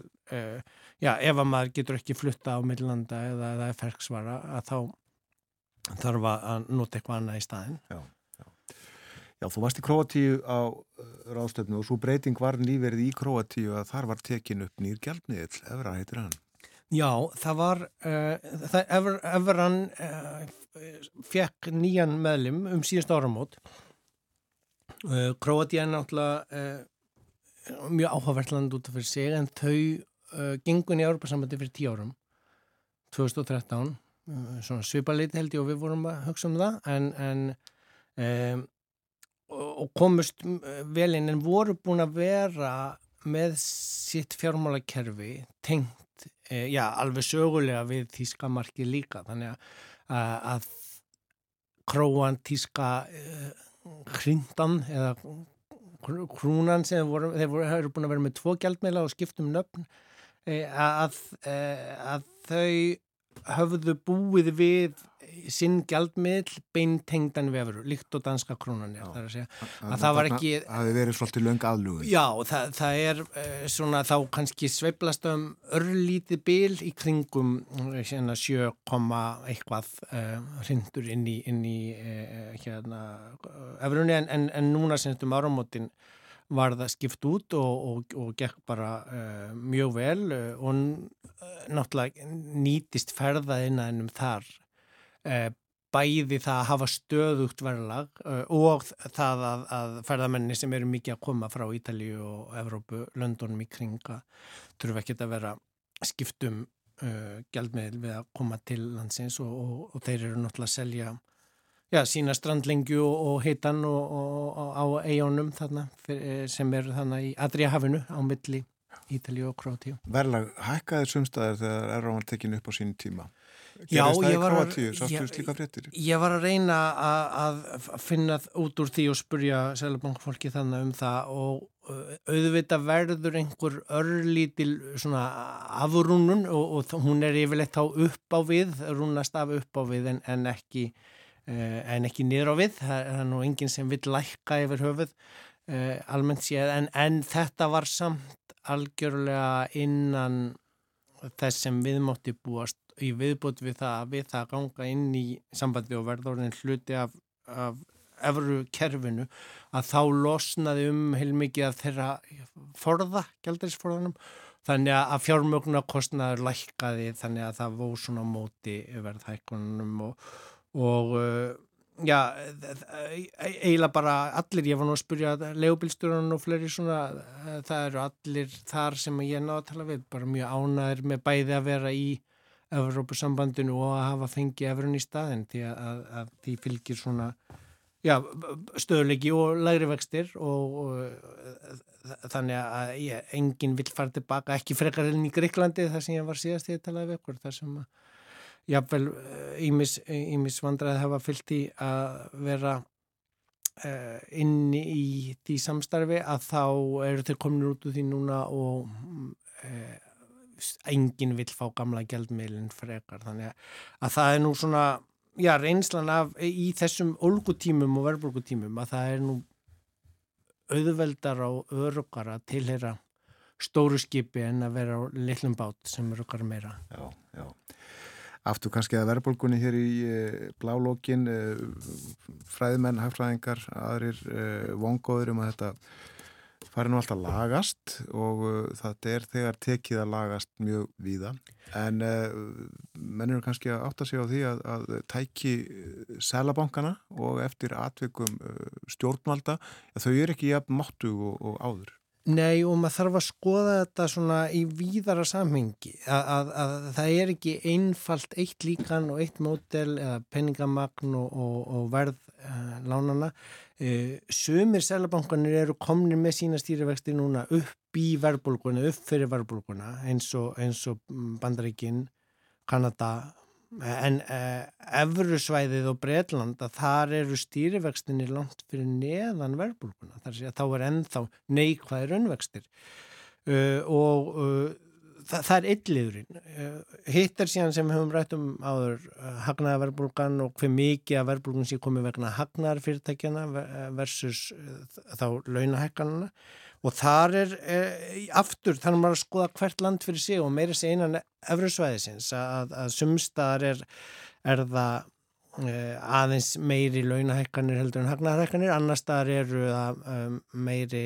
hagnaðarhækkanir og minnilegunahækkanir en, en, en þetta þarf að svona haldast nálagt einhverju eðleri línu og einhverju eðlegu jafnvægi til þess að, að það far ekki úr böndunum. Og, og þar skiptir náttúrulega gífulega miklu máli líka e, já, verði á lífsnöðsinjónum og, og húsnæðið er náttúrulega lífsnöðsin all, fyrir alla að, að hafa efni á að borga og það þegar það er skortur á því að þá er ekki viðbúið að verði farið nýður eins og ég var að tala um megin eða, eða vatnið og, og, og þess vegna já, þarf svona að hugsa hildstætt um þetta og með opnum hug líkt og þegar að uh, já, elgósi kemur að, við, við lifum það alveg af en, en við getum ekki hangið í einni kenningu og haldið þá að það hætti heldur. Við þurfum að mæla mismunandi, stundum þurfum að mæla jarðsig eða kvíkuinskott, stundum þurfum að mæla gas eða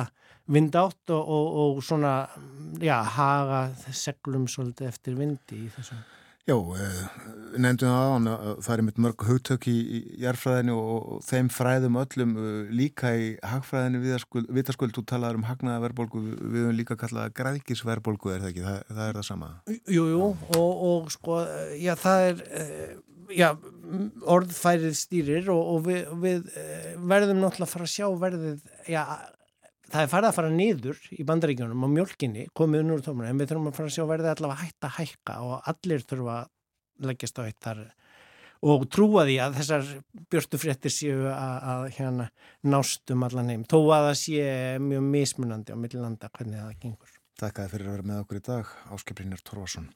Takk. Við fáum uh, fréttæðilut eftir tæpar 5 minútur og uh, eftir það þá fyrir við í ferðalag við syklum til Orkneia sem eru rétt utan Skotlands og uh, það er tilefnið að bárust frettir þaðan á dögunum þess efnis að uh, íbúar, einhverjir allavega, kannski ekki allir, veltaði fyrir sig hvort að uh, þeim sé kannski betur borgið uh, undir Noregi eða í Noregi sem hluti af Noregi frekar en uh, Brellandi. Verðum þetta á eftir.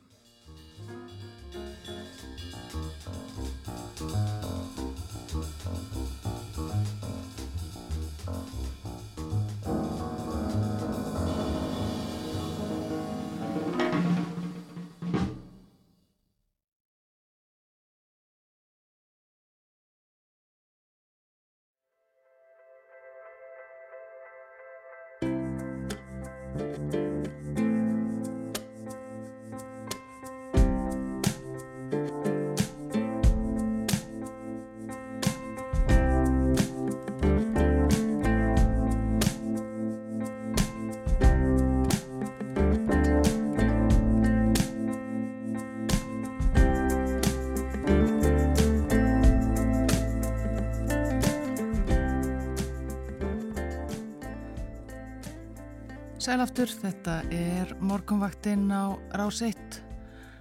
Klukkan er orðin hálf nýju.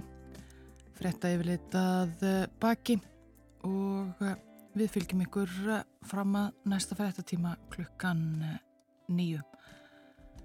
Við höfum rætt eldgós og verðbólgu hér í dag en ætlum að fara í aðra sálma.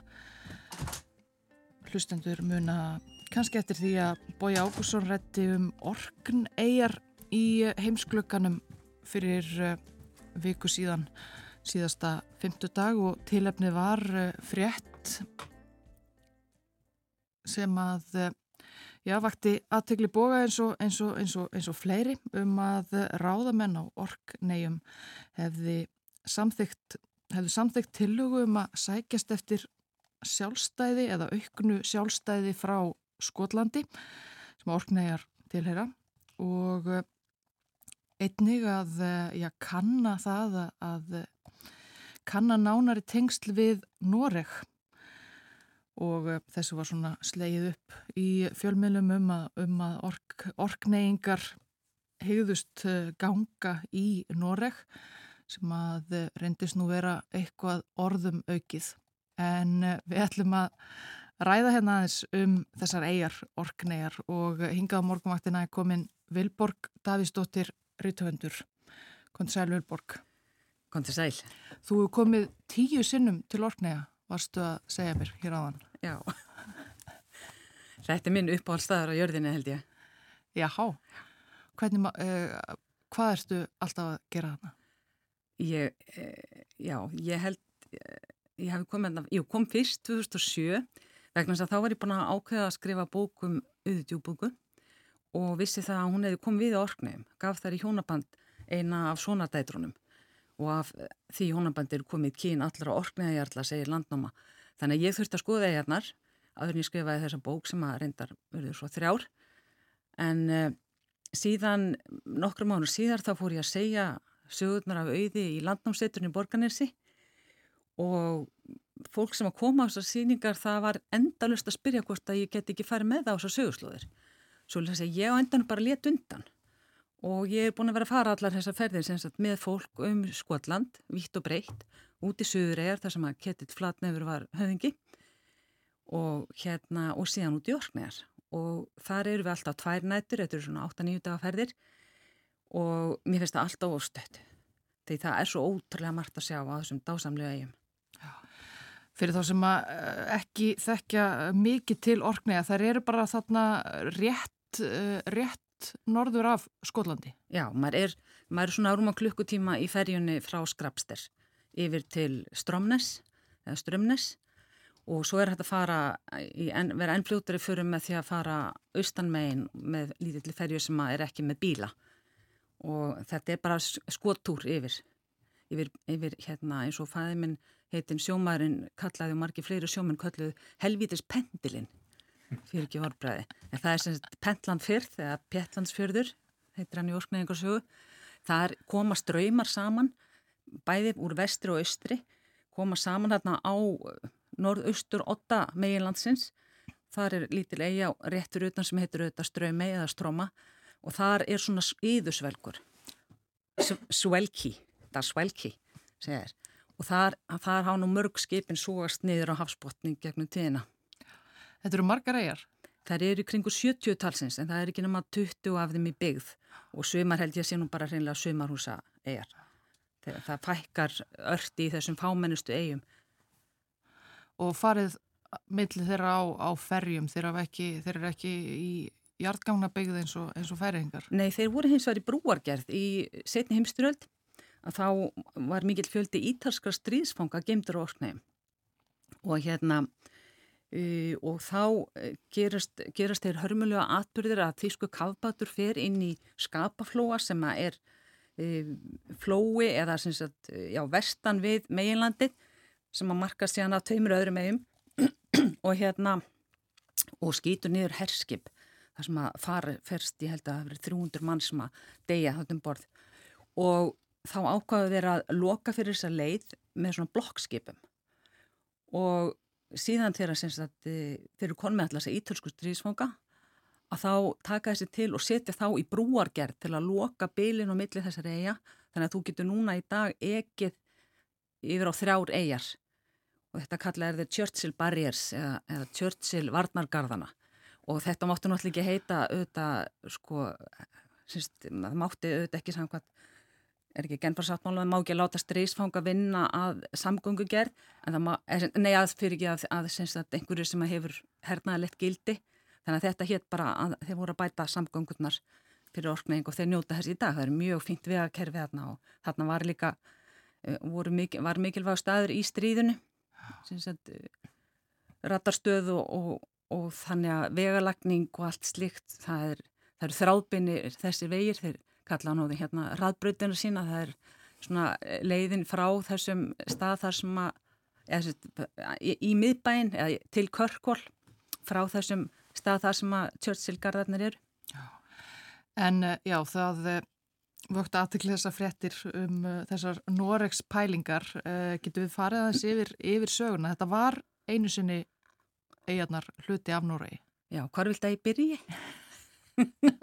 Ég get bara að byrja á byrjunni sko, eiginnar eru teknar af eh, mönnum úr Núrei á nýjundöld mögulega er hjallansiða teknar ennþá fyrir vegna að það er ekki eitt einasta það eru tvö örnefn á hjallansiðum sem er ekki norræn.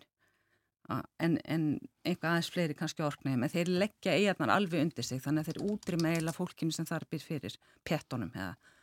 og Sigurður Jarl, Orknega Jarl, svo sem að kemur nú fyrir í, í þessari bók sem var að auðvisa hérna á hann um auðvitjúbóku. Uh, hann er fyrstur og síðan komaður hver af öðrum og síðan gerist það uh, og þeir ráða söðuregjum líka en þar, uh, þeir glutar þeim aftur til uh, skota strax á 13. öld. Bara sama ári á gamli sáttmáli er gerðu hér og þá misaðir söðuregjar 1262. En Orknegar eru undir Núris konungi, fyrir ekki aðeins Það eru undir Norris uh, koningi fram til 1472. Þetta er við komið svolítið langt inn í tíma sem ég hef ekkert vita á því ég er meira svona í gamla tímanum. Sko. En hafa verið hluti af, af uh, Skotlandi síðan, já, það er orðið ansi langur tími uh, frá árunnu 1472 en þeir halda í Norræn norræn tengsl og, og það eru þarna mikil norræn áhrif eða hvað? Já, þeir eru mjög meðvitaður um þennan þessa forsögu og þeir gera náttúrulega svolítið túrismann út af það. Og þeir hafa náttúrulega eins og ég segi örnefni þarna eru nánast öll norræn og það er mjög auðvelt fyrir okkur að snara þessu yfir á, á íslensku. Og, eh, og það reyndar eins með norðulhuta eh, Skotlands allan og, og að hluta til einnig suður er. Þannig að hérna þeir líka, syns, þeir sína ferðamönnum auðvitað mest e, þessar steinaldarminjar sem eru frá sko 5.000 ára gamlar, gríðala merkilegar og margi staðir að skoða þarna og svo er þarna það sem að orkningarsaga kallar orkahaug, það er 5.000 ára gamalt, gamalt haugur sem hægt er að fara inn í, þar á veggjum er, eru rúnaristur frá 12. öld og þar eru Já, og, það, og það er sem sagt sagt frá því í orknæðingarsögu að þarna hafi menn brotið orkahaug í óveðri, menn sem voru að leiðinni til e, Jórsala, e, Jérúsalem og það er hægt að reykja að tengja svona ákveðna ristur þarna einmitt við þá frásögn, þannig að það er alveg gríðarlega merkilegt og gaman fyrir Íslendinga að koma þarna. Af því að þessar rúnaristur eins og segju, svo er hann að teikning til dæmis upp á vegg sem að má sjá sem drega og þá tengjum við það auðvitað við Sigurd Fápnisbanna og Fápni dregan sem hann lagði í gegn. Og sko ég segi ekki að þeir séu með sko, jú þeir eru svolítið, túrismin gerir svolítið út á þessa norræn tengingu. Og þeir hafa auðvitað gegnum aldeinar sko miklu lengur heldur en fram á 15. öld sótt mikið til Norregs, það er miklu stittar yfir til Bergen heldur nokkuð tíma til Letenborgar, hvað þá London. Þannig að allir bátar eru fengnir í Noregi þegar þeir róa á áttaringum eða sexæringum fyrir gefegnis að ég mann um hvað er kallaða á, á norðan á semst dialektum, það er sko dasixarín og þeir fara út á dahaf opna, sérst, eh, opna þessi máliskan er mjög sko, norrænu skotin. Og það var tala norrænt tungumál alveg fram á 1700 sem er hérna Norn sem er bara stytting á norræna. Og mikið á svona úr sjómanamáli þar er, er mikið mitt af þessu norrænu orðum Ímis örnefni sem þú hefur nefnt hérna, vitum við hvað orkn eigjar þýðir? Nei, það verður engin hugmyndið það. Þeir hérna Wikipedia eh, heldur að sé, eh, þetta sé eitthvað gamalt orði við seli. Ég hef aldrei séð neina orðsifjálega útskýringu á því, en það er svona útbreytu miskilningur. E, Norræni menn þegar þeir fara, þeir eru að segja sögur sem endanum eru skráður hér á bókfæll, þeir tala aldrei um það hvað þetta merkir. En þeir tala um orka, samanber orkahaugur, þetta er meishá eða, eða meishaugur. Og, og hérna, en það er enda mjög mikið af selum við orknir, er, við sjáum alltaf seli þegar við fyrum að, fyrum að skoða steinaldaminjar sem að heita Stennes eða Steinanes, það eru svona 6 metra háir bautasteinar.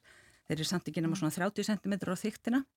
Og svona flái efstæðin og voru uppalega 12 ræði í stóran ring, þarna getur maður að gengja þessu stein bara og klappa þeim og snert sagt, 200 kynsluður með því að koma við þá.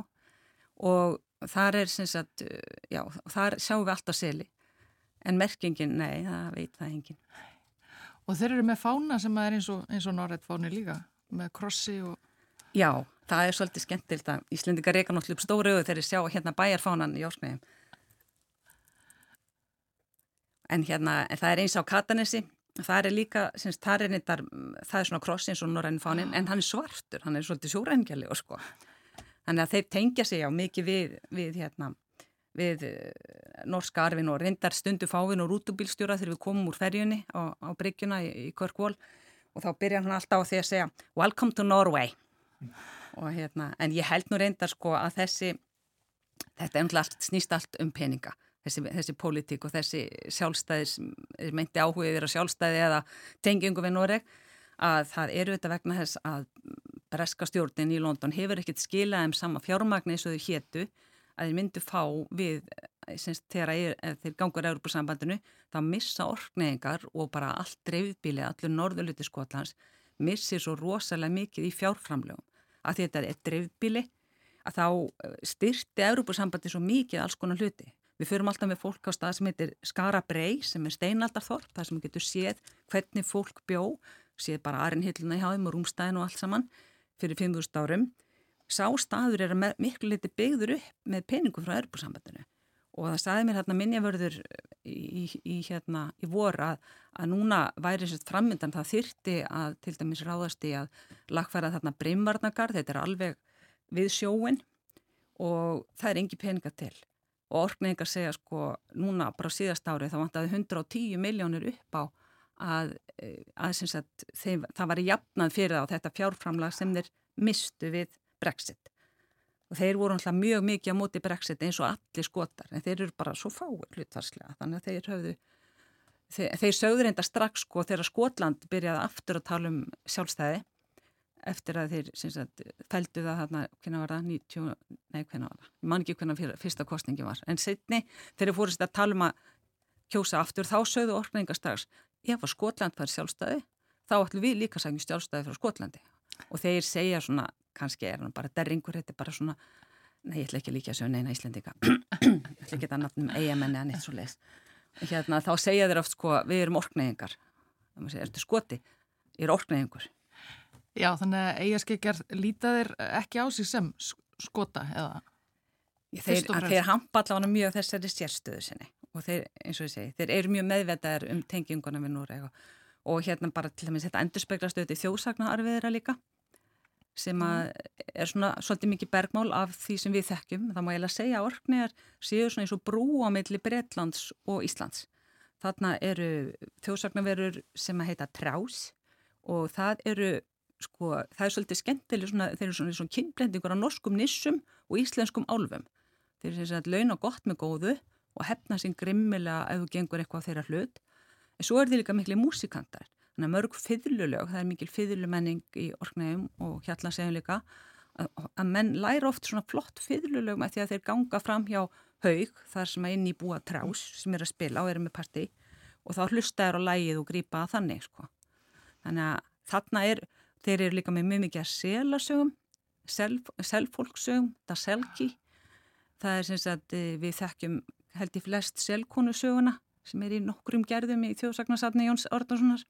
Hún er nákvæm með eins í orknum og, og hérna það er semst segið frá uh, bóndar sem hefur selkonu með sér heim á bæ og þetta er svona, já, mað, það er mörg, margar tengingar þarna á milli sem eru meira semst hjá þeim í norður heldur en til Englands. Þú greinilega gjör þekkir þetta og uh, saðir hérna í byrjun að uh, orknegar væru hvað uppáhaldsstaðurinn þinn á jörðinni? Já, það er nefnilega, það er svo einstök orka þarna. Ég kann eiginlega valla lýsa henni. En það er bara svo magna fyrst mér í mitt, sko, aðgengi að þessum steinaldaminnum til dæmis. Það er svo þægilegt. Þú lappar bara yfir tún og þú passar þig bara stigi kóatellu því að nautgripetni gangi út um allt og til dæmis þarna steinanessi, þar sem þessi miklu bautasteinar eru, að þá getur komið við steinana. Og uh, það er rétt hjá, semst í tímiðnakstur frá þeim stað, þar er meis há, þar getur við farið inn og fengið að sjá þessar rúnaristur og, og lesa þær.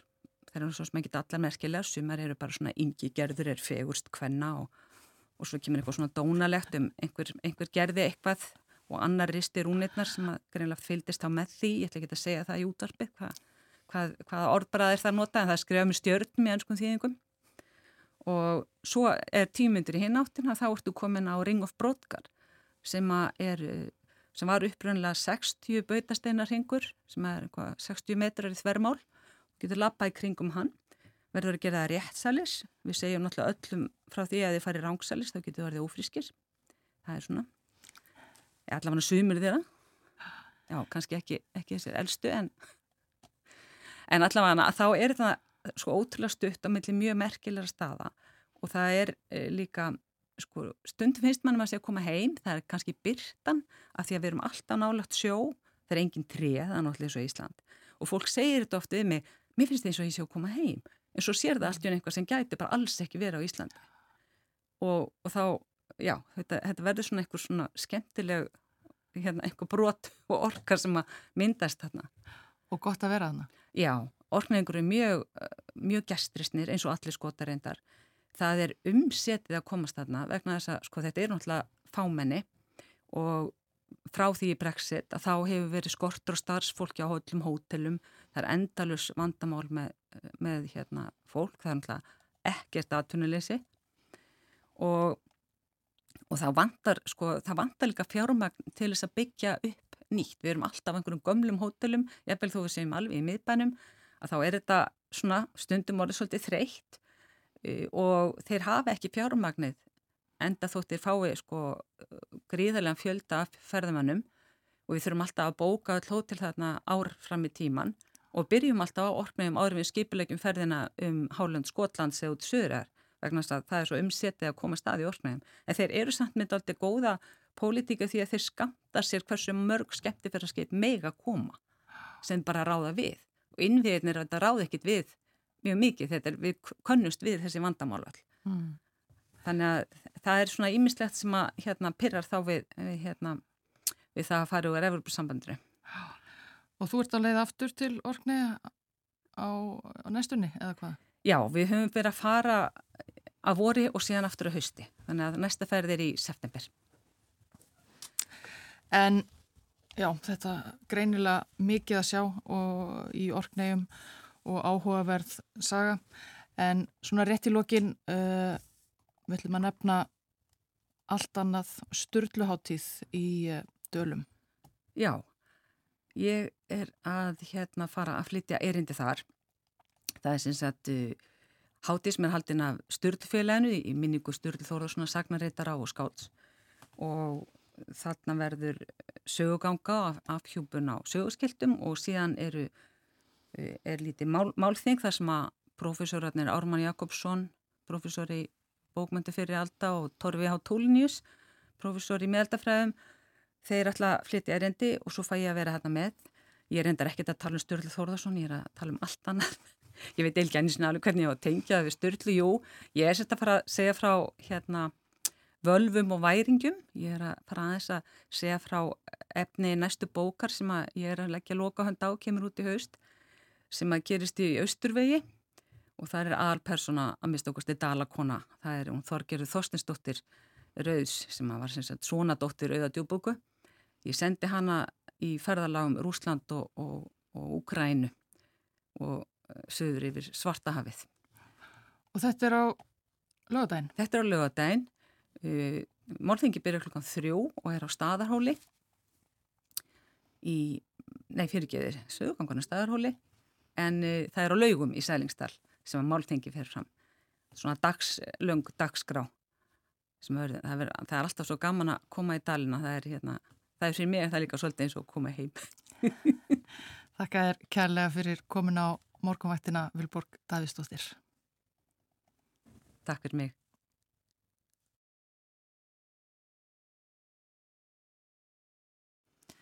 Vilborg Davísdóttir á leið út í daginn, hún var að ræða við okkur um uh, orknegar áhugaverður staður eins og hún greindi frá en, uh, Staðurinn Staðurinn má bara segja. mm. sá uh, eins og hún okkur frá.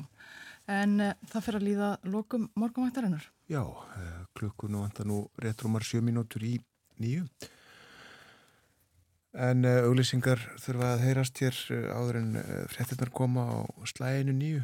Kanski fyrir stutlega yfir það sem við hefum gert í morgun og nefnum þá fyrst að í símanum hjá okkur var Fannar Jónasson. Hann er bæjastjóri í Grindavík og við töluðum um eldgós. Þetta þriðja gós sem er nærri Grindavík á þremur árum og við töluðum um jarfræði sem hann er orðin býstna sleipur í viðskiptafræðingurinn sjálfur og öll örnöfnin sem við heyrum í tegnslu við jarðræringar og eldgós á Reykjaneskaganum og nefndum þá sérstaklega þetta nýjasta sem við heyrðum fyrst í gær Hraunsels Vassfell og kannski eiga fleiri eftir að bætast við. Hér var líka rætt um efnaðasmál í heiminum, verðbólguna, hún er víðast hvar á niðurleið, sagði Áskiprinir Torfason okkur. Og hann talaði líka um vatn og egg. Og hvers vegna, jú, uh, það er þessi gömlu lögumálum uh, frambóð og eftirspurn.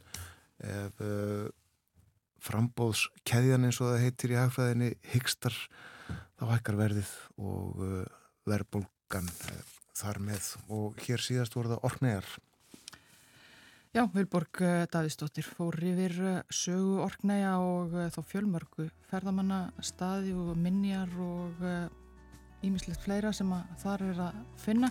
Skottúr frá Skotlandi að fara þangað yfir.